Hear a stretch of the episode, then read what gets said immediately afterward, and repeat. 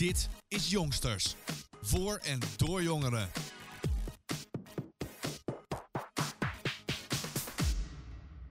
Welkom iedereen en tof dat jullie weer luisteren naar een nieuwe aflevering. Eh, vandaag zijn wij bij een middelbare school en ik heb drie mensen bij me. Eh, nou ja, stel jullie zelf eerst maar eens even voor.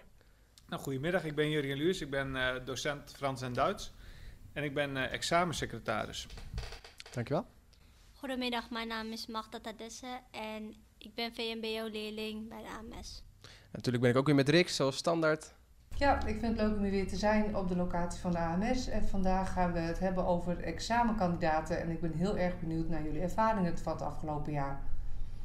Ik ben eh, Matthijs Kramer, ik ben 16 jaar en ik doe het eh, vakpakket eh, Economie Maatschappij in 5 HAVO. Economie en maatschappij, kun je dat wat eh, duidelijker uitleggen? Ja, het is eh, vooral, eh, nou, vooral met economie te maken. Je hebt natuurlijk zelf een aantal keuzevakken waar je uit kan kiezen, maar de basisvakken bestaan uit economie en geschiedenis. Geschiedenis is dan natuurlijk het maatschappijgedeelte en het is echt vooral economisch gericht. Wa- waarom heb je daarvoor gekozen? Omdat de andere vakkenpakketten die sloten niet goed aan op wat ik wou. Ehm, bijvoorbeeld natuur en techniek. Ik ben, ik ben er niet echt mee met techniek. En ook met natuur en gezondheid ja, heb ik ook niet zoveel van mee. En economisch, dat, eh, dat trekt me echt aan. Oké, en Magda, jij, jij deed- was VMBO-leerling en eh, welke richting doe je daarop? Ik doe DNP, En DNP is? dienst en producten. En wat, wat doe je daar zoal? Eh, bij dienst en producten ben je meestal bezig met eh, dingen voor de, eh, bij de dienst en product. Weet je wel, ga je, je bent eigenlijk met alles en nog wat bezig, zoals eh, je bent aan het bouwen en tegelijkertijd ook theoretisch bezig met eh, flyers maken en alles. Gewoon alles wat met dienst en product te maken heeft. En meneer Luurs, eh, nou, ver- vertel eens wat. Eh, wat. Wat heb je dit jaar zoal meegemaakt en eh, wat, wat, waar liep je tegenaan eh met de leerlingen? Nou, afgelopen jaar hebben we natuurlijk meegemaakt dat de examens niet doorgingen. En waar we eigenlijk dit jaar tegenaan liepen is ja, eigenlijk constant de vraag, wat gaat de overheid dit jaar beslissen met de examens? In december kregen we al eh, te horen dat de leerlingen in plaats van één vak herkansen, twee vakken mogen herkansen. En eh, ook daarna hebben de kranten nog redelijk vaak eh bol gestaan zeg maar, van, eh, van de examens en de besluiten rond de examens. En de leerlingen zaten op een gegeven moment ook wel wat in de stand van wat gaat er nu gebeuren? Moeten wij dit jaar examen doen of niet? En toen hebben we in februari nog een aanvulling gekregen op de, de besluiten van december. Toen heeft de regering gezegd, de leerlingen die mogen vakken gaan spreiden en ook vakken eh, gaan wegstrepen. Ze mogen zelfs een vak niet meewegen in de uitslagbepaling. Hebben scholen ook invloed gehad op die besluitvorming? Nou ja, er zijn verschillende organisaties in ons eh, land die zich bemoeien met, eh, met dit soort besluitvorming. Een belangrijke speler daarin is de VO-raad. Die, eh, ja, die is eh, in nauw contact zeg maar, met de regering. U zegt al, uh, de, de mogen vakken worden weggestreept. Uh, wat, wat vindt u daarvan? Is dat, uh, is dat nodig? Denk je van dat, dat is juist niet handig, want misschien gebruiken ze het alsnog? Nou, uh, ja, in principe is het zo dat leerlingen, we kijken eerst natuurlijk of leerlingen kunnen slagen met hun gehele vakkenpakket. Daarna leggen we de hand als het ware op één vak en kijken of de leerlingen dan alsnog geslaagd kunnen zijn. Mag overigens niet een kernvak zijn. Ik vind het een goede extra kans die de leerlingen krijgen, want ze hebben natuurlijk wel het een en ander beleefd. Diverse leerlingen hebben natuurlijk te maken gehad met de coronabesmetting. Diverse leerlingen hebben door besmettingen in hun gezin uh, natuurlijk in quarantaine gezeten. En het online onderwijs, ja, we zijn heel blij mee dat we dat kunnen aanbieden, maar we merken toch dat leerlingen ja, toch meer belang hebben bij uh, fysiek onderwijs. Ja, ik merk natuurlijk ook uh, dat het natuurlijk handig is dat, dat deze regeling is doorge, doorgegaan met een extra onvoldoende of bijvoorbeeld eentje wegstrepen en natuurlijk een extra kansing en dat je het kan spreiden. Want ik merk toch wel, toen ik in 4 HAVO zat, aan het einde van 4 HAVO, ja, ik, ik, kreeg niet veel van de stof mee op een gegeven moment op online les.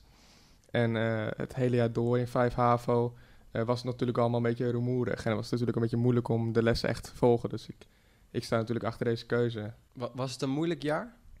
Um, nou ja, het is natuurlijk eind 4 HAVO. Je begint natuurlijk in 5 HAVO met het, uh, waar je bent geëindigd in 4 HAVO, omdat het eigenlijk uh, die twee jaar is eigenlijk één jaar in het geheel. Nou, het is wel een beetje moeilijk om de draad weer op te pakken. Dat duurde ook wel uh, langer dan ik had verwacht eigenlijk. Uh, maar ja, we, hadden natuurlijk wel geluk dat wij niet online les hoefden te volgen en dat wij gewoon de hele week op, op school mochten blijven. Ik heb een vraag aan Magda, want we hadden net elkaar even gesproken in de kennismaking. Jij gaf aan dat je dat online leren en dat je niet naar school hoefde eigenlijk ook wel als plezierig hebt ervaren. Kun je daar wat meer over vertellen? Eh, toen ik thuis was, kon ik me meer concentreren en eh, was het ook makkelijker om de leraren eh, wat een vraag te stellen, omdat je ze apart kon spreken. Terwijl je daar in de les iets minder tijd voor heeft, omdat ik dan naar de volgende les moest. En ik had het gevolg dat ik meer tijd had om mijn eh, opdrachten te maken dan dat ik op school heb. Maar dat komt misschien dan omdat ik afgeleid werd door vrienden. Ja, ik sta er eigenlijk helemaal anders in. Ik, eh, ik vond helemaal niks. De afleiding was heel groot. Ehm, nou ja, het was moeilijk om... de, de leraren vonden het moeilijk, en dat merkte ik ook, om een les in te richten. Eh, hoe je het moest doen online. Dat duurde ook een paar weken voordat ze echt de draad wisten op te pakken. Ehm, dus ik, ik zie het niet echt als, als iets waar ik veel van heb geleerd. Ik denk dat juist ik een hele grote achterstand mee heb opgebouwd. En eh, ja, dat, dat, dat- zo zie ik er tegenover. Kunt u daarop reageren op het punt wat hij net maakte? Want ik kan me voorstellen dat het voor jullie ook een enorme uitdaging lag om de boel toch op de rit te krijgen en zo goed mogelijk te voorzien in het aanbieden van de stof. Ja, we moesten eigenlijk dus eh, binnen eh, een aantal dagen eh, overschakelen van fysiek naar eh, online onderwijs. Ik merk wel, eh, ik ben eh, blij om dat hier aan de gesprekstafel ook te horen, dat de ene leerling er totaal anders in staat dan de andere. Sommige leerlingen zeiden, ik vind eh, thuis juist de rust om, om me te kunnen concentreren op mijn werk. De anderen zeggen, ik mis juist het contact met klasgenoten en het fysieke, ja, de fysieke aandacht zeg maar, van de klas en de docent. En ik denk inderdaad wel ehm, ja, dat we met z'n allen hebben moeten zoeken naar wat is nu de juiste manier om een online les goed eh, te verzorgen. Maar ik vind dat we dat al met al toch heel snel hebben, ja, voor elkaar hebben gekregen. Meneer Luurs, heeft u eh, veel online lessen gegeven zelf? Nou, we hebben eigenlijk, eh, we zijn er eigenlijk vanaf het begin vanaf aan, hebben we daarop gekoerst om alle lessen volgens het rooster door te laten gaan. Dus in principe hebben we het hele lesrooster als het ware ingelezen in Teams. En hebben alle lessen gewoon ook eh, volgens de normale lesduur eh, gegeven. Dus inderdaad, nou ja, een, een, een docent die geeft gemiddeld ongeveer 20 lessen per week, 18 lessen per week van 60 minuten. Dus die hebben wij inderdaad allemaal eh, kunnen verzorgen, gelukkig. Oké, dus de les zijn via Teams gegaan. En zijn de leerlingen, wat vonden die er nou echt gewoon... Wat, wat merkt hij gewoon in het algemeen? Wat merkt u als docent? Nou ja, je moet als docent heel goed je best doen om leerlingen erop bij te houden. En dat betekent van, het is niet zo dat jij tien minuten aan het eh, woord bent en dan zegt eh, succes, eh, red je er maar mee en we sluiten straks de laatste vijf minuten van de les af. Maar je moet bijvoorbeeld ook tijdens die les de interactie zoeken met de leerlingen. Je moet de leerlingen misschien als ze aan het werk zijn eens eventjes privé opbellen via Teams. Te kijken van, nou, kom je eruit? Die, die persoonlijke aandacht is wel heel erg belangrijk, denk ik. Tegenwoordig hebben we hybride lessen, dat is weer een andere tak van sport. En dan vragen wij ook aan de leerlingen, hè, dan hebben we leerlingen in de klas en leerlingen eh, thuis, half om half, niet in de examenklas overigens. En dan is het ook belangrijk dat de leerlingen bijvoorbeeld hun camera aan hebben, zodat ze zich wel gezien voelen en betrokken voelen bij het onderwijs. Dit is Jongsters. De examens vorig jaar, die zijn dus niet doorgegaan. Hoe is dat eh, opgepakt? De leerlingen die zijn eigenlijk, eh, hè, we hebben op school een schoolexamen, dat zijn alle cijfers die de leerlingen op school halen. En uiteindelijk het eh, centraal eindexamen. De regering heeft gezegd, de leerlingen die slagen nu op basis van hun schoolexamen. Ik heb een vraag aan de examenkandidaten zelf. Eh, vorig jaar zijn er dus geen examens afgenomen. Hoe staan jullie er tegenover? Nou, ik, eh, natuurlijk, ik heb wat vrienden die hebben vorig jaar ook eh, examen gedaan. Of nou ja, examen, die hebben ook vorig jaar eh, vijf HAVO afgerond. En eh, nou ja, de ene zegt natuurlijk van, eh, ja, ik had liever wel examen gedaan. En de ander zegt dan van, ja, het is toch wel makkelijk, want ik heb met bepaalde opdrachten, eh, ben ik toch overgegaan. Terwijl ik eerst leek het niet op dat ik zou slagen. Dan ze hebben uiteindelijk voor gekozen dat het werd versoepeld. En ja, ik, ik wou eigenlijk helemaal niet dat het, dat het werd afgelast. Omdat ik wel het gevoel had van, nou ja, ik wil dat toch wel afronden. Want ik heb toch een gevoel van, ik heb toch mijn vijf jaar HAVO heb ik toch goed afgerond. Hoe is het voor jou? Eh, ja, ik vind het ook eh, wel fijn dat het doorging. Want daardoor weet je wel van, ja, ik heb het wel kunnen halen. En, daar, en dat geeft je meer zekerheid in de toekomst, denk ik, voor mijn gevoel. Staan jullie er een beetje goed voor? Of is het zo van, we moeten nog wel echt goed aan de bak? En kijk, Nou, ik sta persoonlijk wel goed voor. Ja, ik sta er ook wel eh, lekker voor op het moment. Dus Eh, meneer Luus, u gaf al aan, u bent eh, examensecretaris voor de HAVO. ehm, en u weet wel een beetje wat het verschil is met de HAVO en TL. Hoe, hoe werken die examens? Hoe, wat is het verloop? Eh, nou, de leerlingen die, eh, die leggen in de loop van de laatste twee jaar dat ze hier op het, op voortgezet onderwijs zitten, zeg maar een eh, examendossier aan. Dat zijn de schoolexamens, het PTA. Op een gegeven moment is dat de helft van hun cijfer. En de andere helft van het cijfer dat moet verdiend worden op het, op het centraal examen, dus straks in mei en, eh, en, en in dit geval ook in juni.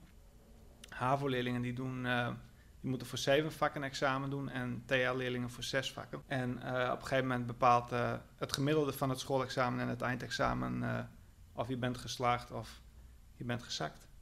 Ik kan me voorstellen dat je een beetje de druk begint te voelen nou de eindstreep in zicht komt. Wat, wat doen jullie extra of juist niet extra om je te zorgen dat je helemaal klaar bent voor de examens? Nou, bijvoorbeeld ehm, Duits en Engels, dat is alleen lezen, dus daar kan je je moeilijk op voorbereiden. Dat is juist heel veel teksten maken. Nou, ik, we hebben geluk dat we bij Duits hebben een, eh, een examenbundel vanaf het begin van het schooljaar gekregen. Dat, daar staan heel veel eh, examens in, of examenteksten waar je mee kan oefenen. Dus daar kan je, daar kan je de, het hele jaar kan je wel een beetje mee oefenen af en toe. En dan, dan krijg je meer echt een beetje het gevoel van, nou ja, dit is hoe een examen eruit ziet. Met economie en wiskunde is dat wat moeilijker. Dat zijn wat, eh, nou ja, wat grotere teksten, wat langere opdrachten, wat, wat, en meer informatie van wat je over de hele twee jaar hebt gedaan. En normaal maak je een toets over iets wat je in twee maandjes doet.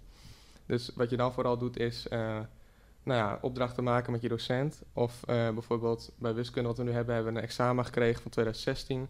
Nou, dat moeten we dan een beetje maken. En dat is een voorbereiding op, eh, op de toets die ook gaat over eh, heel veel van deze examenstof. En hoe is het voor jou? Hoe bereid jij je voor op dat laatste stukje van de examens? Nou ja, vooral, we zijn in de les vooral bezig met oude examens maken. Om eh, te wennen aan de manier van de vragen. En voor de rest eh, vertellen ze al het hele jaar van oké, dit komt in het examen voor en dat schrijf ik op zodat ik dat extra goed kan eh, oefenen. En ik probeer ook met verschillende soorten manieren te oefenen. Door de ene keer filmpjes te kijken en de andere keer, eh, weet ik veel, uitlegs op te zoeken, te lezen. Zodat ik het extra goed begrijp. Hebben jullie nog een tip of een trick voor jullie medeleerlingen? Zeggen van, weet je, ik loop hier tegenaan en zo los ik dat op. Of en ik weet niet hoe ik het op moet lossen. Dat, dan zou je er een vraag van kunnen maken natuurlijk. Ja, ja ik zou vooral ehm, minder globaal zien naar de hele stof die je moet leren, maar meer specifiek van wat snap ik wel, wat snap ik niet. Kijk, veel die kijken alles globaal over en denken van, nou ja, ik snap het wel ongeveer.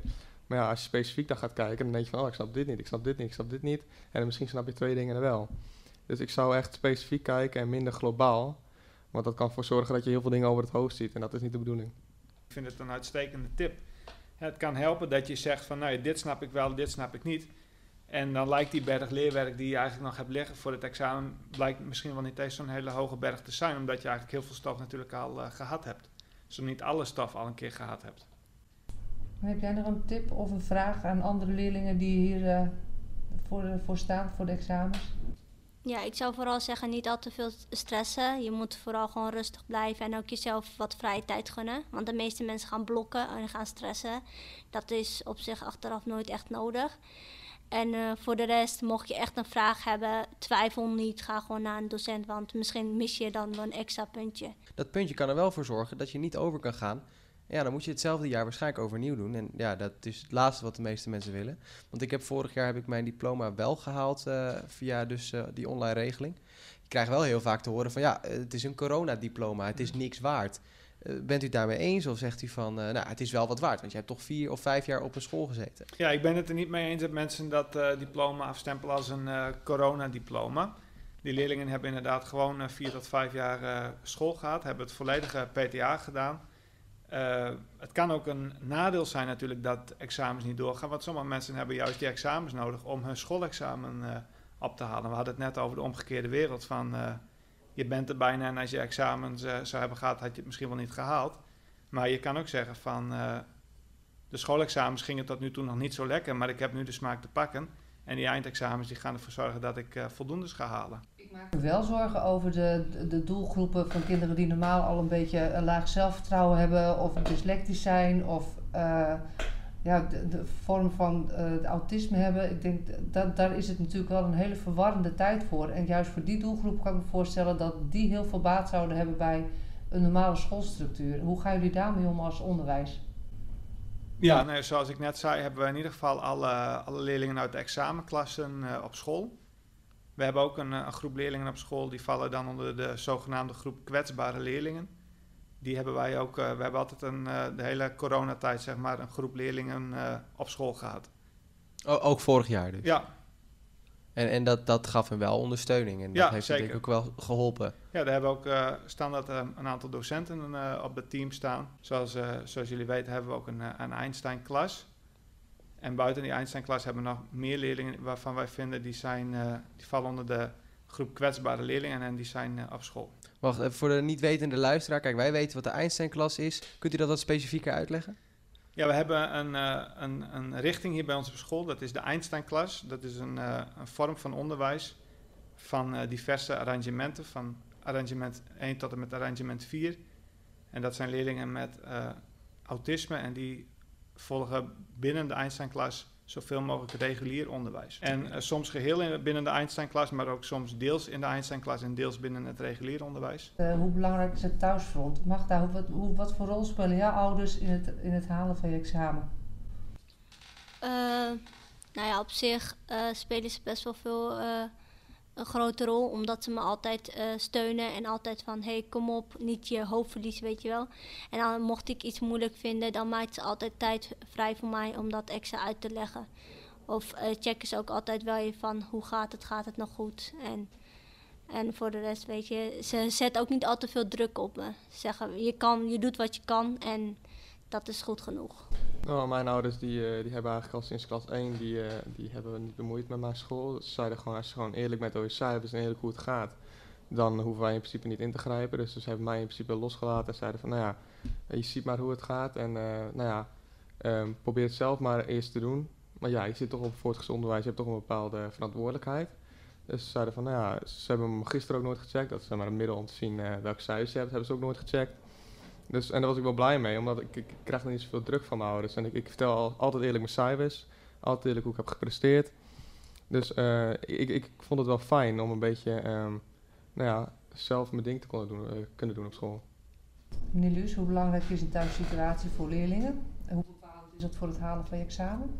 Ik vind het een lastige vraag, moet ik eerlijk zeggen. Ja, ik denk, uh, de ene leerling is de ander niet. De ene leerling heeft juist baat bij, dat klein, hè, bij een beetje druk vanuit thuis. Dat ze zeggen van controleer me alsjeblieft, kijk met me mee. En een andere leerling zegt van nou, laat me daar maar in uh, wat vrij, want uh, ik red mezelf. Ik denk wel dat, uh, ik kan me wel voorstellen dat de thuissituatie lastig is geweest de afgelopen tijd. Ook als vooral bijvoorbeeld ouders ook thuis werken. En misschien ook nog wel jongere broertjes en zusjes die op de basisschool die ook die hulp nodig hebben. Kijk, we hebben het dan nu heel vaak over online les, maar stel de leerlingen die geen apparatuur hebben om die online les te volgen, hoe werd dat opgepakt? Wij hebben hier op school uh, laptops ter beschikking gesteld. Dus de leerlingen die, hebben, hè, die niet over genoeg uh, devices zeg maar, uh, beschikten, die hebben een laptop van school in bruiklijn gekregen de afgelopen tijd. En ook de vorige lockdown. En nou, we hebben nu de hele tijd over druk van school en dat jullie ook veel bezig zijn met school. hebben jullie ook nog wel tijd voor andere dingen en hoe plannen jullie dat in? Ja, ik heb, uh, ik heb best veel tijd uh, persoonlijk uh, voor andere dingen. Ik, ik, ik probeer ook zoveel mogelijk dat in evenwicht te houden van school en vrije tijd. Dus dat doe je bijvoorbeeld door niet alles op het laatste moment te schuiven, maar alles ja, een beetje te spreiden, zodat je wel genoeg vrije tijd hebt. Want dan krijg je bijvoorbeeld dat je een periode heel veel te doen hebt. Als er een periode heel veel deadlines zijn, ja, dan kan je beter van tevoren wat doen dan alles op het laatste moment. En dan heb je bijvoorbeeld twee hele drukke weken. Dus uh, ik heb altijd wel uh, nou ja, veel rust gehad met school en niet heel veel druk. Oké, okay, en hoe, hoe heb jij dat opgepakt? Nou ja, ik ben vooral op het moment dat ik de opdracht krijg, probeer ik eigenlijk zoveel mogelijk te doen. En uh, ja, voor de rest buiten schooltijd probeer ik eigenlijk zo min mogelijk te doen. Na het leren van de toetsen. Want werken jullie hiernaast ook? Gewoon een bijbaantje? Ja, ik werk als kassamedewerker. Ja, ik heb, ik heb eerst werkte ik wel. Uh, toen een tijdje niet en nu, uh, nu werk ik weer, maar uh, ik probeer het wel goed af te wegen met school.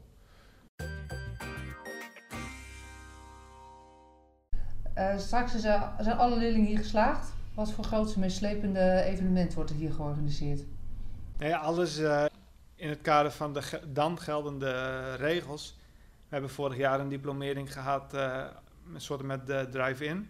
Leerlingen gingen etappes in, die kwamen kort in de kantine, die gingen kort naar boven om hun uh, diploma te ondertekenen en uh, op te halen. En uh, toen hadden we buiten nog een soort met kleine bijeenkomst per klas. Maar ook weer kort, want een kwartiertje later kwam de volgende klas weer. En nou ja, hoe dat er dit jaar uit gaat zien, dat hangt ook even van de dan geldende maatregelen af. Maar in principe denk ik wel weer volgens de geldende coronamaatregelen.